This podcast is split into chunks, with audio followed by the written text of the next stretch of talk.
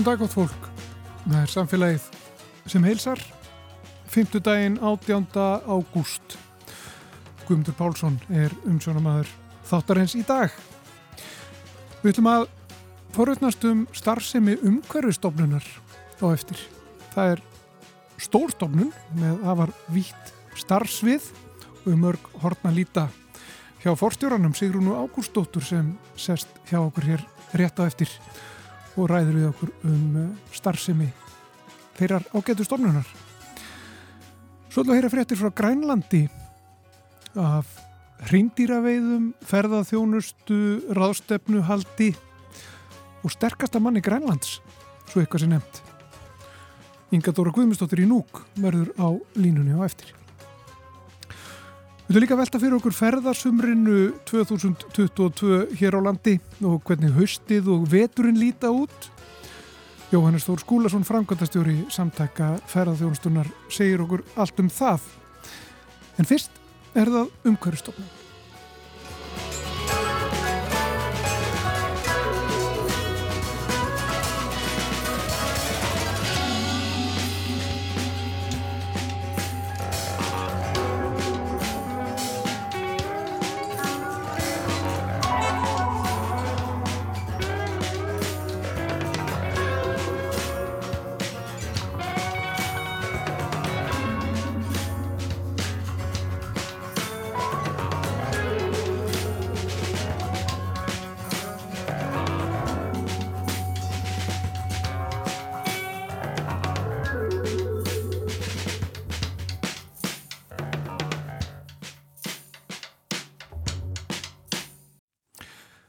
Þá eru sérst hjá mér Sigrun Ágústóttir, forstjóri umhverfistofnunar, erstu velkomin til okkar í samfélagið.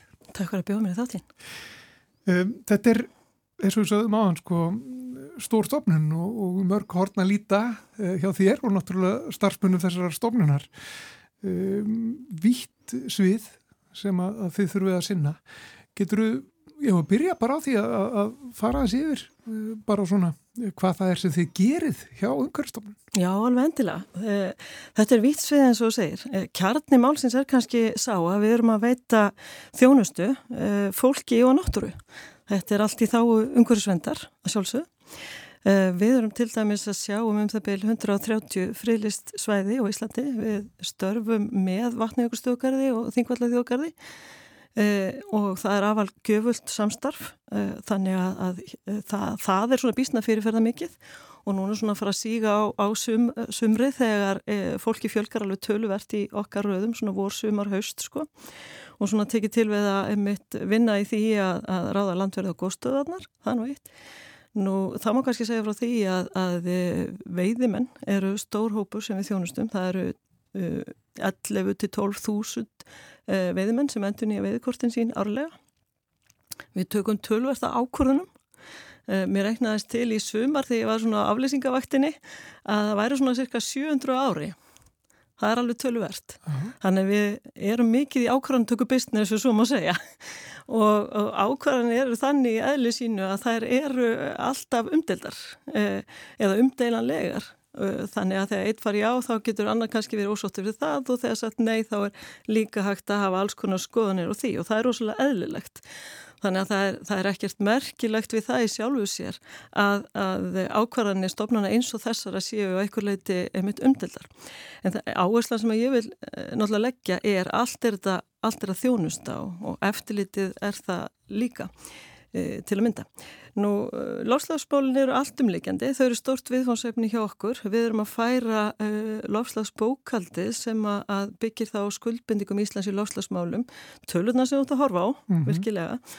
Og við vorum einmitt að reyna að útskýra það svolítið betur að mannamáli á lofslagsdeginum núna í, í mæ, sem var skemmtileg byrjun einmitt á, á því, vonandi og e, það eru þetta mjög mikil áskorun að koma þessum tölum allir til skila og svona hvað er að fyrirtækja að gera og hvað er einstaklingar að gera e, til þess að svona hafa áhrif, það skiptir allt máli.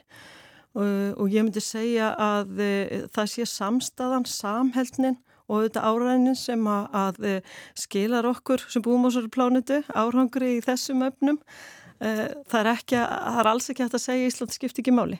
Að því að líka eru við mjög góð fyrirmynd held ég að mörgu leiti eh, í því að framkvæma alþjóðskundbildingar af ábyrð, svona oftast tónandi og eins náttúrulega erum við með lausnir sem á Íslandi sem eru frábærar eins og jarðhittinn og ramagnið okkar Við erum ekki að nota olíu og kól uh, í, til húsutunar til dæmis þannig að það er mjög gott og við ætlum náttúrulega að halda áfram á þessari braut alveg á, á fljúandi ferð. Ég held að það sé alveg ljóst. Nú, við erum alltaf að, að reyna að vinna því að gera samfélagi græna með alls konar eh, slíkum lausnum að tala fyrir ringgrásarhagkerfinu og finna upp lausnir í því sambandi líka að við séum ekki með svona línulega nótkunn á öllum öðlundum þar sem að, að hérna gengur alltaf á jörðina og eh, viljum náttúrulega að nýta hlutina sem allra best. Eh, erum náttúrulega okkar draumsýn í því sambandi við keirðum heilmikið stórt verkefni líka núna sem að heiti Grænskref og þar eru ríkisæðilar að taka ábyrð í umhverfismálum bara heilt yfir, losla stefna er eitt þáttur í því. Og það er búið stíga alveg gríðala mörg skref og þá eftir svona að myndi ég segja bara loka skrefin að stíga þau Þannig að það er búið að vera mjög skemmtilegt og, og flott verkefni sem, sem að ráðuneytið stóð fyrir, umhverjus orskóla og slagsráðuneytið og semur við okkur um að keira þetta áfram og við erum svona hvetja alla hýna ríkjastofnarnir til, til að vera flottar fyrirmyndir en það skiptir bara alveg heilmiklu máli. Um, Ég myndi segja líka efnamálinn eh, sem við erum að vinna með, altså vörurnar sem er í búðunum, það eru sjampúinn og, og bara allt mögulegt, alls konar bara hlutir. Merkingarnar til dæmis á þeim að við erum að, að fylgjast með því að þetta sé rétt mert og, og allt eins og uh, eftir bókinni. Og ég man eftir mjög svona áhrifaríku dæmi þar sem að, að við vorum að fylgja því eftir að vera réttar merkingar fyrir blindfólk til já, dæmis. Já. Það er ykkar hlutverk. Já, bara sem dæmi. Uh, og náttúrulega eins, eins og við erum fyrir börn, þetta er alveg ákaflega mikilvægt. Og það getur alveg verið þrautin þingri í dag að vera neytandi og, og bara allar þessar upplýsingar. Sko. Uh mhm. -huh. Þú veist að maður standi eins og bókarsafni líku við e, í búðinni. E, og síðan í talanungum segir maður að sé sjónskerstur og þarf samt að kaupa ákveði bara hreinsefni og þá þarf maður að geta þreyfað eftir því að það sé rétt mert. Þetta er svona eitt dæmi. Já. Þetta, þetta eftirlit sem að þið sinnið upp, mm. upp af þessu marki um, hvernig eru þið stakk búin að sinna þessu eftirlitu vegna þess að það er náttúrulega ansi margt sem þarf að fylgjast með Já og við náttúrulega beitum mismunandi aðferðum þegar við erum að, að hafa eftirlit segjum með yðnaði að þá erum við að vinna eftir uh, uppskrift, má segja, uh, leifi sem er bara óbúslega ítalegt sem á að vera stýrandi og uh, að verja náttúruna og fólk fyrir mengun. Síðan þarf að skila heilmikið að gögnum inn til okkar og svo erum við svona staðreina að, að hlutarnir séu eins og þeir eiga að vera. Gegnsægið að það að byrta allar upplýsingar og bjóða fjölmjölum bara að skoða það eins og þeir vilja og spurja það hefur bara reynst okkur tölverð tíðinga mikið uh, að hafa það í heðri til dæmis. Þannig að þetta er svona einna liklónum. Nú, og, og aðlar þurfa ofta að græða fyrir þetta eftirlit og, og þannig er kannski því einmitt haldið uppi þar sem að, að slíkt fyrirkomulega hefur verið ákveðið. Þannig að ef þú ert að spurja þessum resursanna þá meðal annars koma þeir þannig, þeir koma sérst í, í mist frá eftirlitskjöldum eða af fjörlegum sko eftir hvernig það, því viku við. Já. En við vorum einmitt í fórustu í Evrópu í að byrta svona mikið af upplýsingum að það var búið að vera áska eftir segjum skýslum hjá okkur uh, og svaruð okkar var alltaf já, gjör svo vel og þá bara hversin ekki að, að hafa frumkvæðið að byrta þetta og ég veiti þess að það hefur verið fjallað um þetta náttúrulega viða í Evrópu í, í samtökum umhverjastofnana í Evrópu hefur verið mikið e, vísa til þessa fordæmis. Og ég heyrði af umfjöldunum þetta í kóru og allar leið og austur í Asjú sem sagt. Uh -huh. þannig að eh, já og við höfum haldið kynningar líka uh, hjá okkar félögum í Európu um, um þetta Þannig að, og þetta er ekki alveg sjálfgeðu, kannski þetta gengi, gangi vel, en, en við áttum með mitt samstarfi aðdunlífið um að koma þess á koppin á sínum tíma, heyrðum svona þeirra sjóna með aðeins áður, uh, segðum að við höfum áhuga að gera þetta og fengum ágætis ábendingar og svo er þetta bara að setja stað. Já. Já. En í framhald að sko af eftirlitinu, hvaða svona valdheimildir hefur umhverju stofnun? Alls konar. Já. Já, og maður er að fara að spallega með það náttúrulega. Eh, það má segja sko þegar við erum í eftirliti með, með innæði að þá notum við áminningu einna mest uh, og bara kröfum úrbætur ef, ef eitthvað út af bregður. Flesti standa sér bara vel sko. Þannig að sem betur fyrir að það undatekning fremur en hitt að það þurfa að beita slíkum úræðum. En síðan koma uh, dagsektir og við höfum líka heimiltir til þess að loka fyrirtækjum og, og svifta leifi. Þannig að það eru alls konar í rauninu úrræði og, og svona refsikent við eins og, og stjórnvarsettir, þetta er líka til. Mm. Þannig að það er fjölmart. Mér langar kannski að segja líka frá uh, vatninu, fyrir að það náttúrulega flæðir um öll þessi verkefni og uh, því er alveg sama um síslumörk og, og mála flokka mörk og bara hvað sem er, það er allstæðar að uh, við erum með stjórn vatnamála og það er frábær rástefna núna framöndan 30.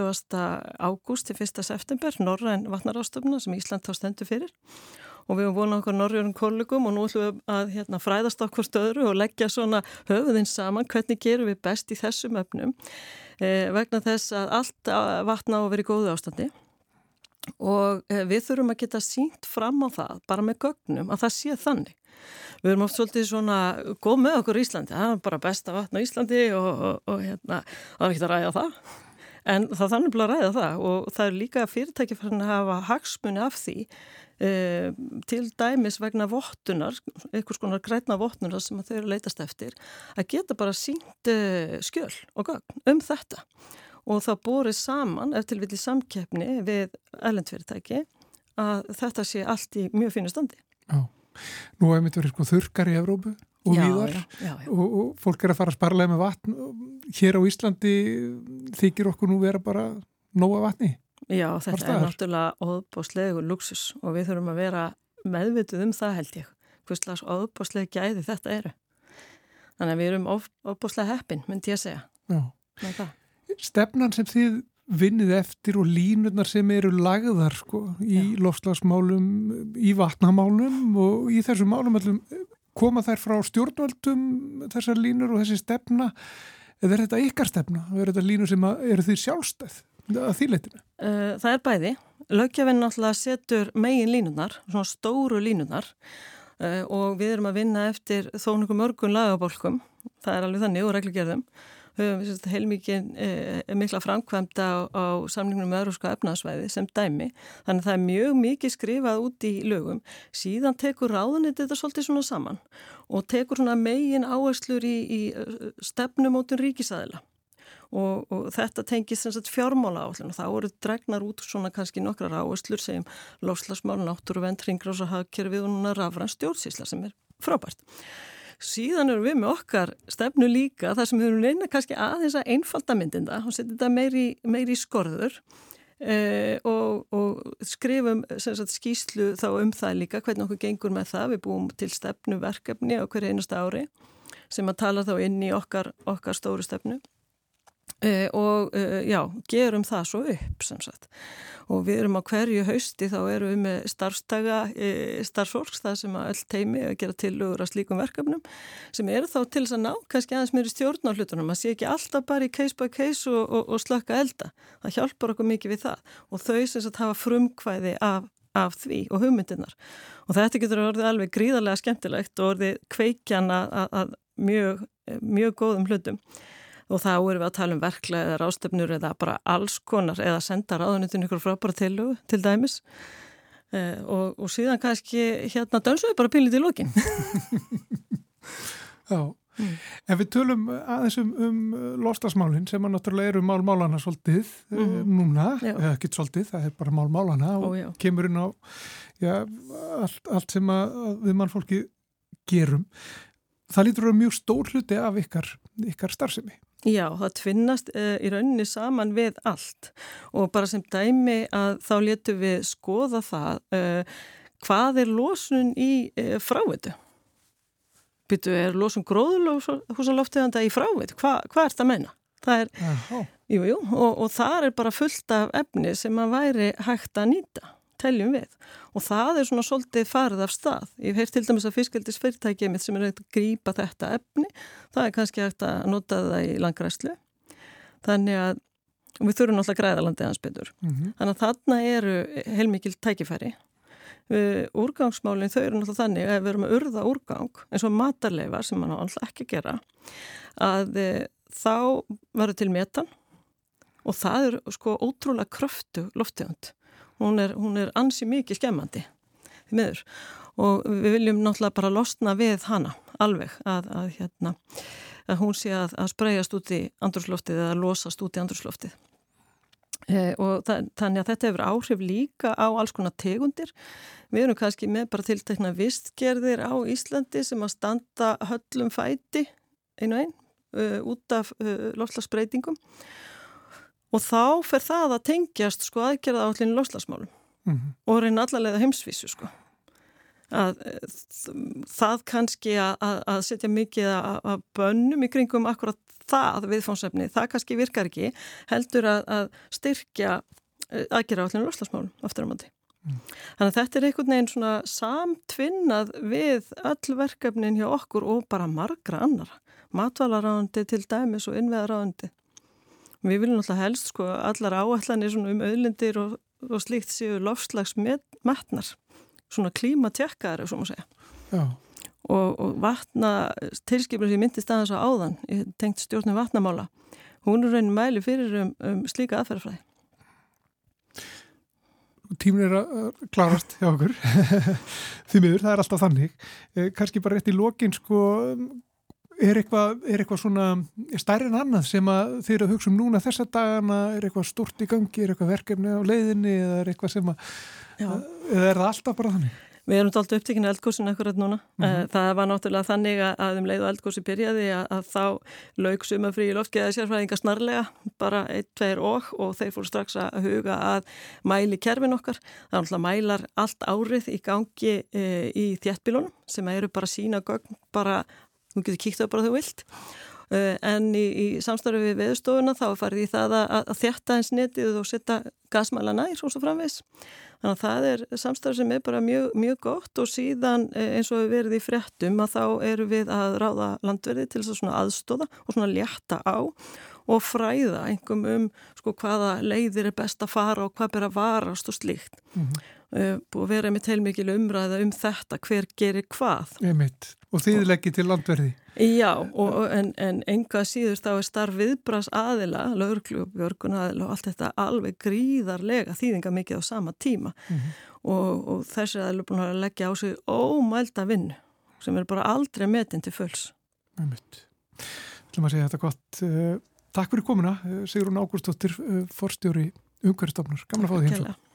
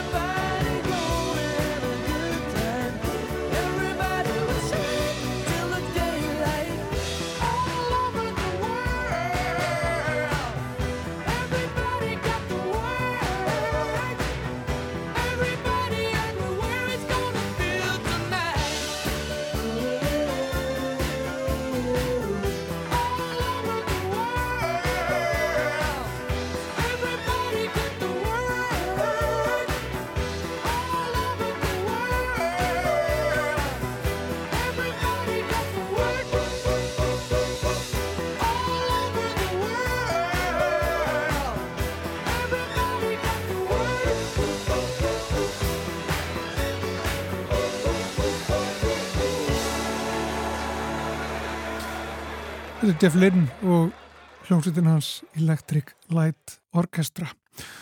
Lægið All Over the World, þetta lag er úr kvikmyndinni Sanadu sem kom út árið 1980 þar sem Ólafía Newton-John heitinn fór með aðalutverk. En áfram með samfélagið. Þó að sé kannski alltaf erfitt að segja það og leiðinlegt að hugsa um það að þá er sumri farið að halla og um, kannski stýttist í í haustið, þó séum nú ekki alveg búin að gefa upp vonina en sumarið er náttúrulega tími ferðarþjónustunar og þetta sumar núna um, hefur já, þykir gott í ferðarþjónustu og þetta er náttúrulega stóra sumarið í kjölfarið á, á uh, heimsfaraldri sem lamaði allar flugferðir og all ferðalög náttúrulega viða um heim og þetta er kannski ekki bara hér sem, sem eh, ferðarsumarið hefur verið já, í miklum, miklum blóma. En við erum komin í samband við Jóhannes Þór Skúlason sem er framkvæmdastjóri samtaka ferðarþjónustunar Kondur Sæl Kondur Þú ert á ferðinni, þú ert að ferðast á landið. Já, ég er að, að upplifa og njóta landsins. Eh, hérna loksins komin í sann og svona síðsumars. Eh, komin hérna austur á land í Altafjörð og nýtt mín hérna, hérna vel. Já, við erum ekki ferðamenn í alltaf fyrir núna? E, ekki ákvörðat hérna það sem ég er en, en ég náttúrulega sá mjög mikið af ferðamennum á, á leiðminni um, um Suðurlandið að komast yngaður höfuborginni. Það er alveg ljóst að þeir, þeir eru þó nokkuð margi núna Já. eins og við höfum séð af, af talningunni og, og, hérna, og það er náttúrulega bransinn kætist yfir því. Já, er það ekki tilfellið einmitt að þetta er þetta þykir gott sumar og kannski betra en uh, búist var við eða hvað? Já, þetta er, þetta er miklu betra heldur en búist var við og í rauninni á svo margan hátt. Eh, bæði náttúrulega myndi þetta, fólk hefur séð kannski tölurnar og núna til minns í, júli, það eru fleiri ferðarmenn á landirinn í júli núna, þetta er var 2019. Það er uh, hérna hins vegar svo margt annað en bara fjöldin sem við horfum á og, og eins og ég nú oft, oft nefnt að þá er ekki sérstækt markmið að móka hér inn sem flestum ferðarmönnum heldur er það, heldur er það verðmættin sem þau skilja eftir sig sem skipta máli. Og það er svo ánægilegt nefnilega í þessu að sjá að, að það er líka að aukast.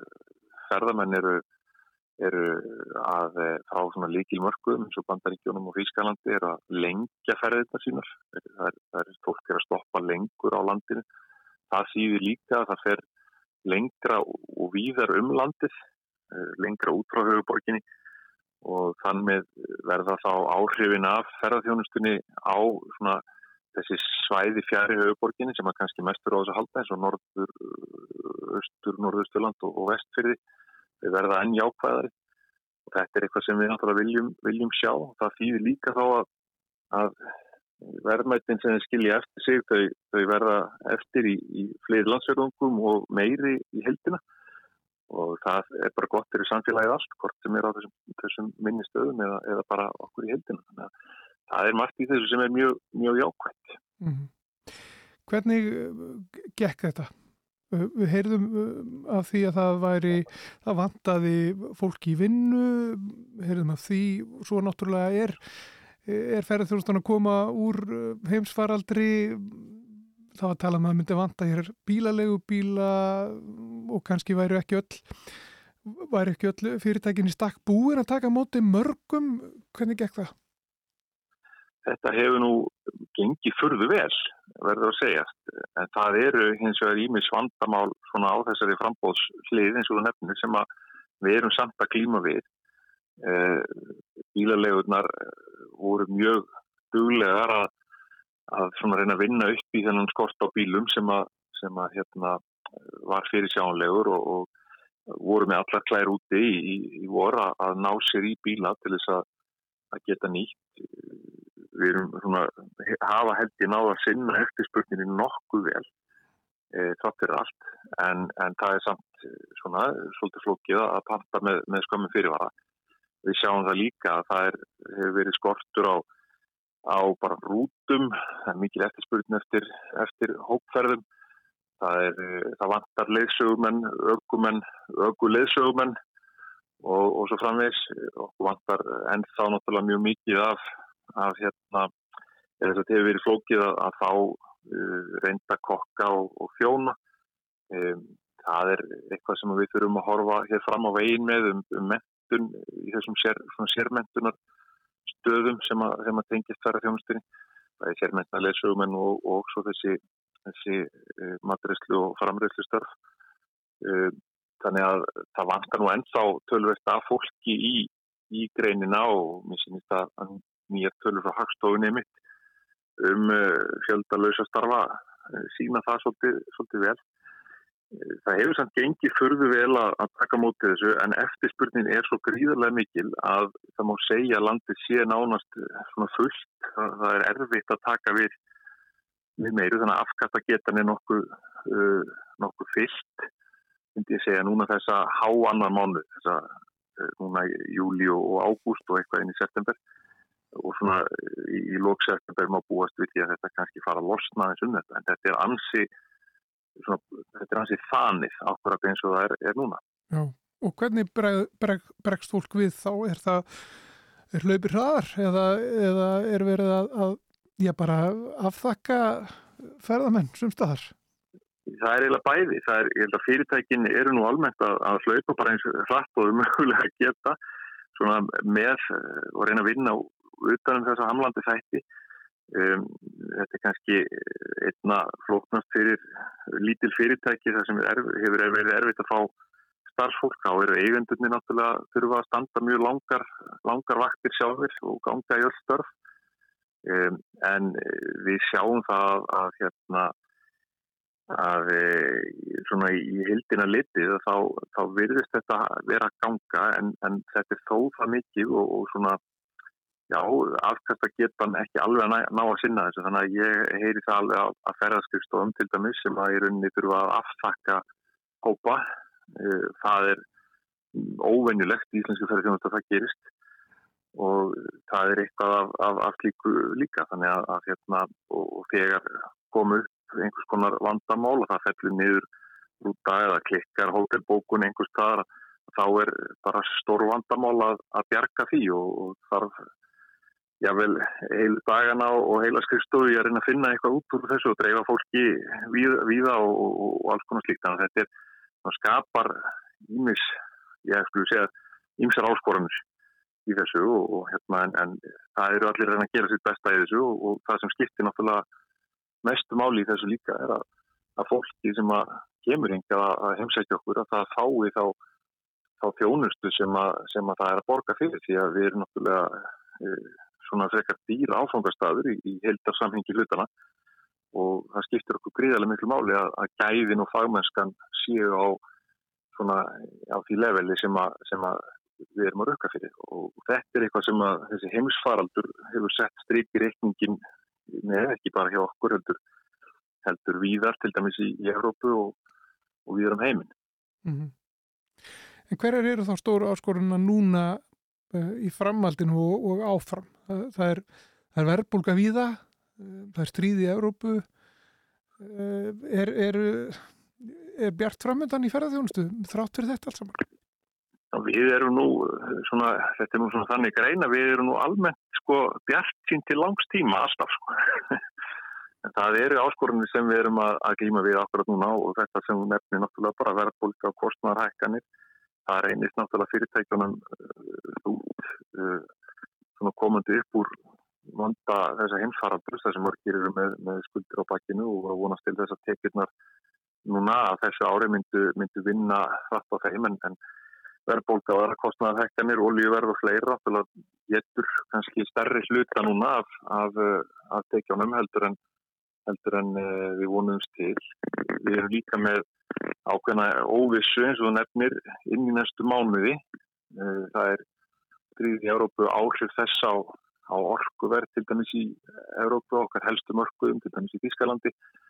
Um, það hefur þau áhrif að við vitum ekki alveg hvernig hegðun fólks verður til dæmis inn á næsta ár hvort að, hvort að það verður jafn eða sama þróun og hefur verið núna, fólk sé að lengja ferðir og, og svo framvegs. Það gæti verið að einhverju leiti núni sumar vegna þess að fólk hefur ekki verið að ferðast síðan tvö ár og á þá einhverja ferðarsjóð eh, sem að kannski þarf að fara í, í að borga herri gasveikning eða eitthvað slikt eh, núna í vetur og verður því ekki til á næsta ári og það er mikið eitthvað orðið ekki ferðir eða ferða fólk og, og þetta er svona tölveru óvisatt af þessu, engi krónunar eh, er líka stór hluti sem við erum alltaf að horfa á. Þetta hefur gríðarlega mikla þýðingu fyrir útflutningsatunum vegi eins og þennan sem að þarf að e, leggja upp all, alla verðlagningu með mjög löngum fyrirvara.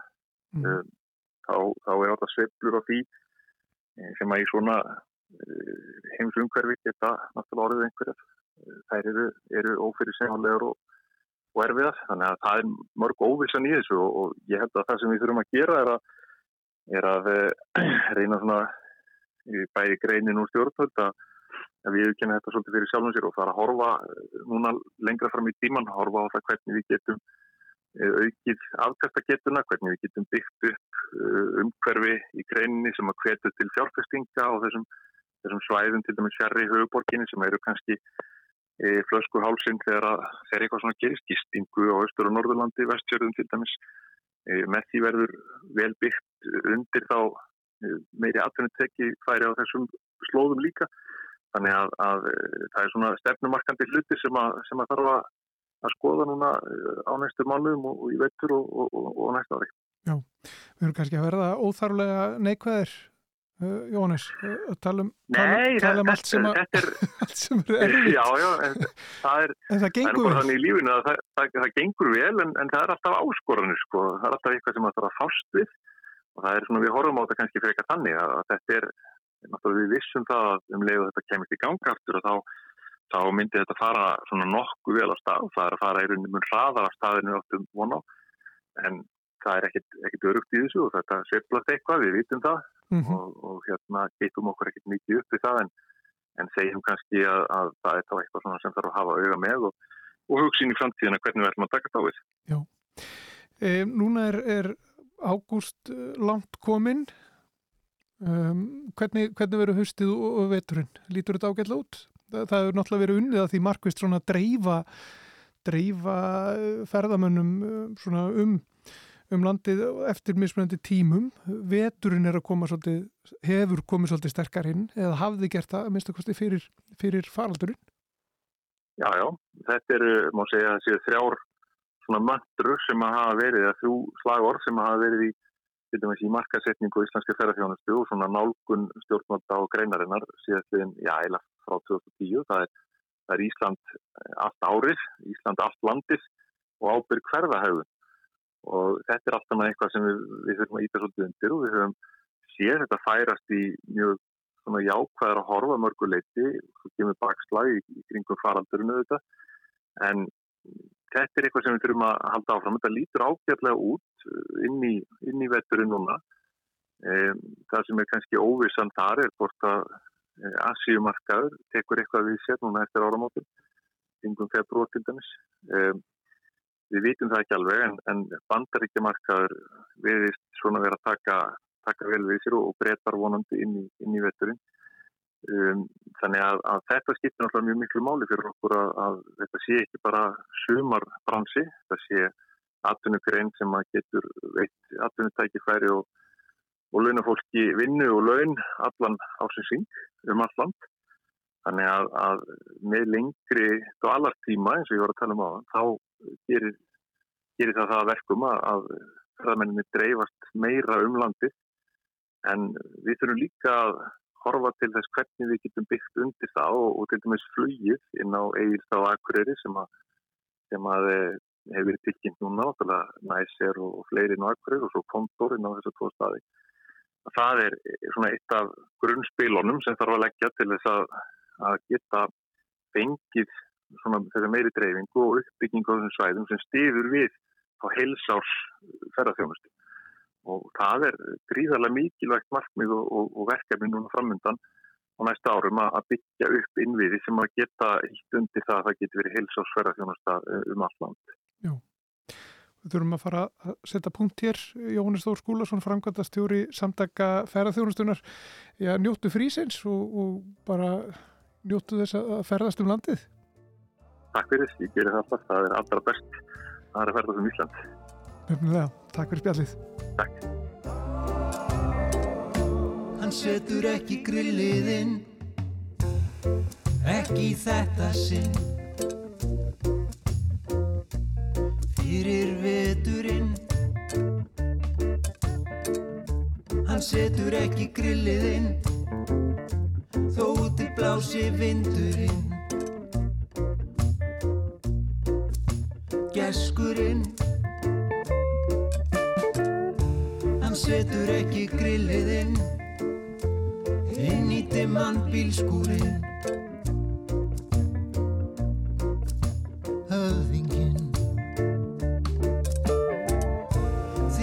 gæti sólar glenna Sett strikið sitt í reikningin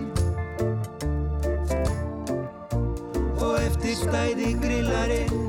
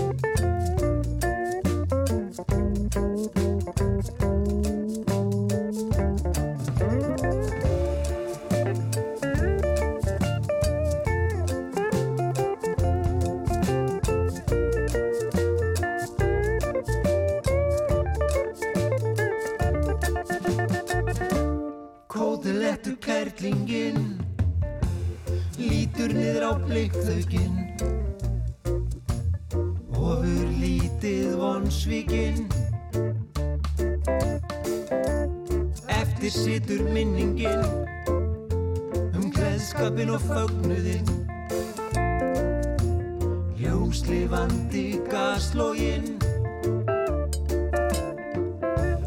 Inn þá gengur maðurinn Logar fjörði brennarinn.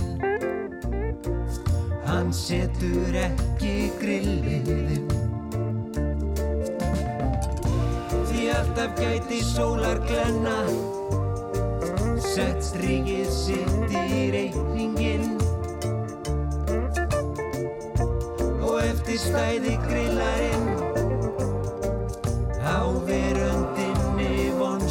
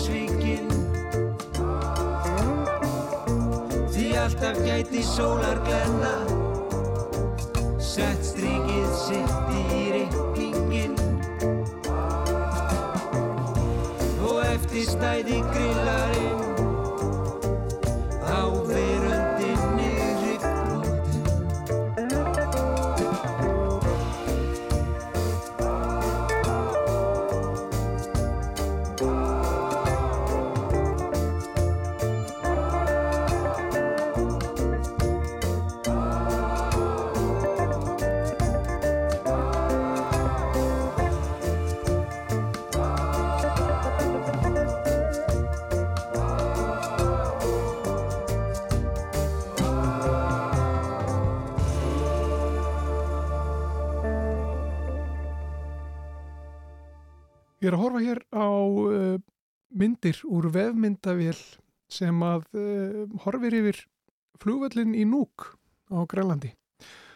Og þar skín sólinn, það er heiðskýrt og afskaplega fallegt viður og við erum komin í samband við Grænland, við Núk, þar er Inga Dóra Guðmundsdóttir, kom til sæl. Sæl. Er það ekki rétt? Skín ekki sólinn á okkur í dag? Jú, endanlega. Það er bara búið að vera sleðilegt sumar á mörguleg ekki henni lúk, þannig að bara smá sól, þá er það bara frábært. Já, já. já. Leðilegt sömar, segir þú? Já, það er búið að vera leðilegt sömar henni í núk sérstaklega. Búið að vera mikið þoka og yfirskíjað og bara leðið á regning og rók og það er bara búið að vera ansist leðilegt í miður. Já. Óvenjulegt, kannski? Óvinnir, já, það er, það er alltaf þetta sem við söknum sko þegar það er hérna, hvað kallar þetta, er ekki sagt það, það er lokn og mjög mikið lokn sko, það er ílega það sem að oft þegar maður kemur frá Íslandi þá finnum maður alveg þetta svona lokn, svarta lokn og lokn yfir hugðu þannig að það búið að vera svolítið mikið bara rók og, og sérstaklega láski og, þoka. En það er bara kannski vegna að ég er að vinna hjá fljóklæðinu í Grænlandi og þess vegna kannski er ég bara miklu meira upptekinn af veðrinu sérstaklega að því það fljóðing getur ekki lent og svona. Þannig að mér finnst það að vera bara leðilegt sumar. Það er aðlugum fyrst að eitthvað öðru fyrst öðru já. En núna skinn sólinn og það er gott. En það já, er, það er, er mikil gott. það er okkur langar nú bara að heyra svona í þér aðeins svona, já, hvernig, hvernig uh, hvað er að frétta uh, frá hjá ykkur uh, á Grænlandi mm -hmm. og í núk.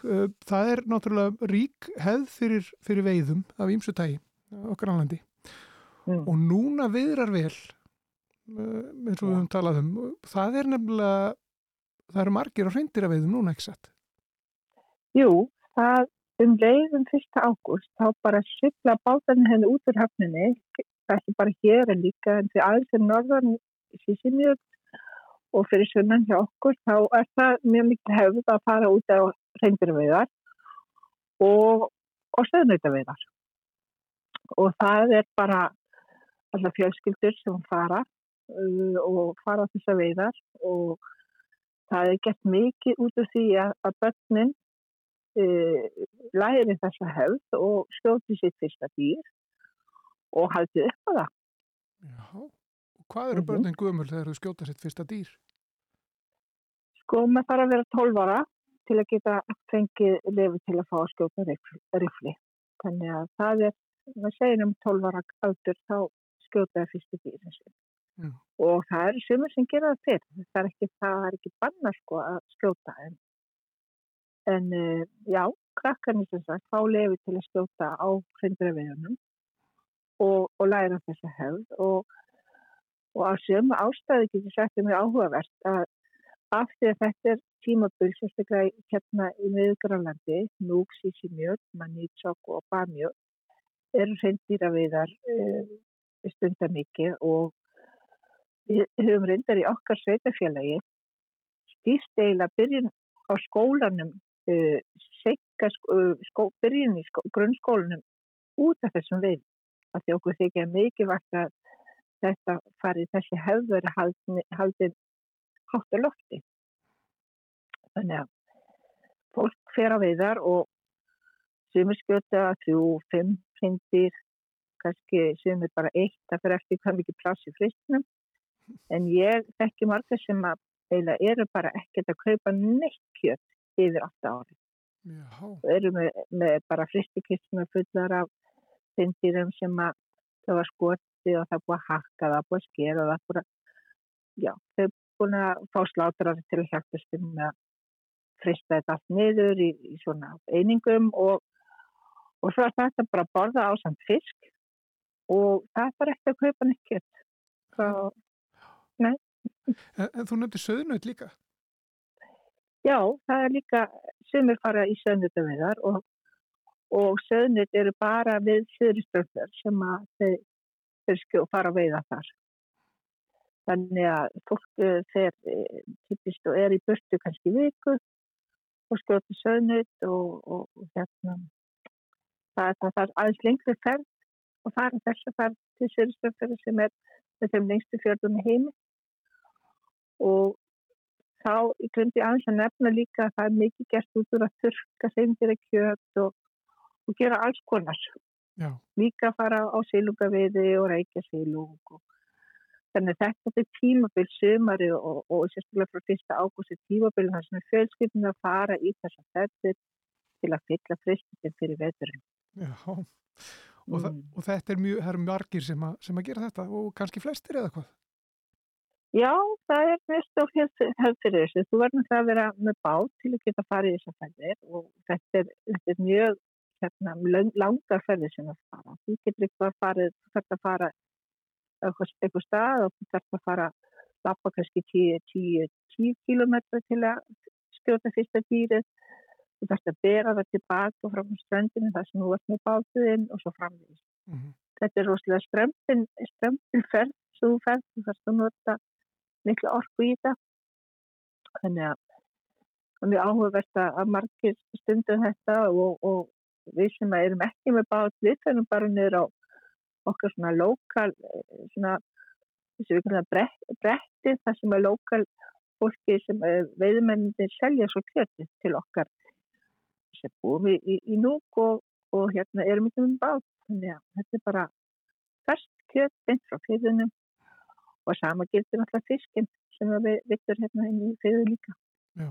þannig að við erum mjög heppin hvað það var það og kannski áhugast að vera hérna nefna það að reyndir eh, að leið að leiði til að skjóta reyndir er ekki eitthvað sem við bara þegar þú lendir að koma utanfrá og fara leiði til. Þú verður að vera með leiði til að þetta fari í þessa veiðar. Mm.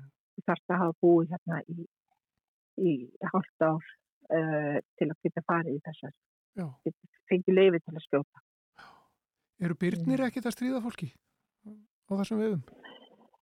Nei, það er mjög sjaldan við höfum ístyrni og ef að við erum með ístöðni hérna eitthvað stað nálagt eh, bygg þá er það ofta reynd að fæla það í burtu. Og ef það er koma nálagt það eru skotnir með leiði frá yfirveldum. Það var að fóra leiði til að skjóta það. Er, það er kvóti á byrjni sérstaklega í Norðurgrælandi í, í, í Túle og þar. Þeir fá leiði til að skjóta alveg í Östugrælandi í Tokkodómi Skortisund er líka með leiði til að skjóta um með kvóta í spilnum en ekki hérna á vestustöndinni. Mm. Ef við skiptum aðeins um, um uh, umræðöfni, það er mikil ráðstefna, er það ekki sem að hefst núna næstu helgi? Já, það er ráðstefnan sem að kannski að flesti kannast við, það er Arctic Circle, uh, Singborg Norðurslóða sem hérna er með svona ráðstefni hérna á Grænlandi. Og það kallir þetta Arctic Circle Forum og þú ert með álegan viðbörði í Reykjavík en svo getur þér haft þessa, þessa viðbörði á öðrum löndum og þá kallar þetta Forum. Og þetta er e, ráðstefna sem er mikil sótt yttan frá. Um, það koma alls konar um, alveg frá um, viðskiptalífinu yfir, yfir í í háskóla eh, fólk og alls konar fólk sem, að, sem að kemur þessar ástöfni og er að fara að tala um norðurslóður á öllum mögulegum vinklum e, og öllum mögulegum áttum. En Grænland er svo sem mjög um, spennandi staður að koma fyrir svona fólk. Það er ekki oft sem að maður kemst í Grænland e, á svona viðbörð og síðast að þetta var í 2016 á Grænlandi þá voru hefningafólki frá sérstaklega Asi sem voru með og fjárfæsbyggafyrirtæki og þetta var mjög mjög stort þannig að þetta er eh, spennandi viðböður þeirri græmund Já, og það er núna næstu helgi Það er næstu helgi, núna 27. og 88. ágúst Já Og þar eru vantalega umhverjusmál og, og, og öðlindir og fleira sem er verið að ræða Já, það er allt frá, frá það. Það er svona þegar kallaði þetta sessions, það sem þú farið í svona málstofur og það, það er alls konar málefni upp á borði. En eh, svona þemað myndi segja það er mikið svona geopolitics, það er, það er landfræðilega staðagrannans í á norðurslóðum, það er, það er, eh, já, þessi spenning, auðvaríkist á döfinni, staðin eins og hún er núna Þannig að málstofunar eru þannig byggðar að það er allt fyrir alla svona smett um, en við tek eftir líka réttindi um, hvað þarfum við þetta uh, fólk, indigenous peoples. Já. það er uh, fólk sem að, já það er svona mál, málstofur. Og inn úr þetta málefni líka frá Kanada koma líka fólk frá, frá alls konar um, organizations. Já, já en, en það er að koma fólk víða að. Er, er Grænland eh, orðið vinsæl áfangastæðar fyrir ferðamenn? Já, við erum með það sem, við, það sem er að gerast núna er það sem við kallum the catch-up effect. það er og tómasósan sem að hellist úr hænsflöskunni og maður er svona að reyna að koma og svo kemur hún bara svona allt í hennu bara einn stór svona já, fyrir allt, já bara guðsa tómasósu og það er það sem við erum að upplifa núna. Og, og ég get sagt það núna að því að ég er að vinna hjá fljóðfélaginu þannig ég veit að eftirspurnin er rosalega mikil. Og það sem eiginlega setur svona eiginlega náttúrulegt eh, svona loft eða það sem að við getum ekki tekið svo marga inn nema það sem við erum með af gistingu. Og það er algjörlega ómögulegt að fá gistingu sérstaklega í ílúlisett það er bara ómögulegt búið að vera allt sömur og búið að vera uppsvöldin sömur að hefur náttúrulega haft áhrif á fljóðsangungurnar því að þegar kemur þoka á allir vestuströndinni þá hefur að hefur ekki haft þennan gistingu fyrir fólk sem er sem að sitja fasta kannski í ílúlisett og þau þá flytja til á einhvern annan bæ.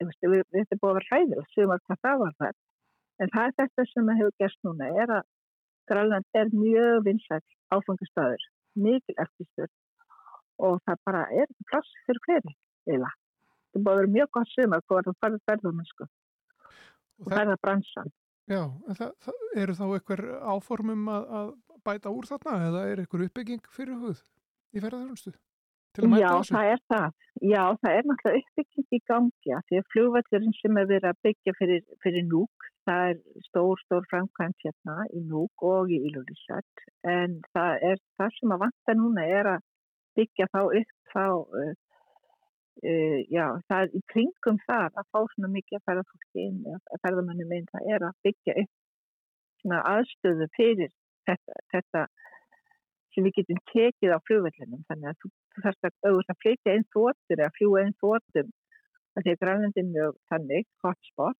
mm -hmm. og það er ekki gisting til staðar. Það er ekki nóg mikið gistinga alltaf þannig að auðvitað er það náttúrulega eitthvað sem að fólk er eh, sem að hafa peninga og efna á sig að geta byrkt upp eitthvað svona þjónustu, hótelþjónustu. En það verður að gerast á, á, á með sjálfbarni í huga Ummitt. Mm. Kanski einn ein lítil frétt að lokum, uh, það er, uh, það eru fréttar af sterkastamann í Grænlands. Já, við erum bara komið með eitt rosa flottan, flottan mann sem er bara orðin uh, stór hetja hérna. hann heitir uh, Kim og hann er búin að vera á alls konar mótum, strongman mótum og búin að vinna alls konar keppnið og var bara í gæra að fá þessa hún var bóðið á mótnum í september sem heitir Arnold eh, Strongman Classic sem sjálfur, sjálfur Arnold Schwarzenegger hefur bóðið honum á. Já. og það er eftir að koma í frettina núna í dag býstir við. Og, og við erum bara mjög stolt að eiga svona sterkar mann sem að, sem að er bara hetja. Og við fylgjum sér betur fyrir með honum alveg á, á hérna á Facebook og, og það er mikið, mikið að fréttum þaðan. Það er mjög gaman að geta fylgst, fylgst, fylgst með honum. Og svo kannski í lókina því að við erum að tala, það er kannski mjög áhugastu fyrir alla að vita að núna í dag, sérst í dag, kl.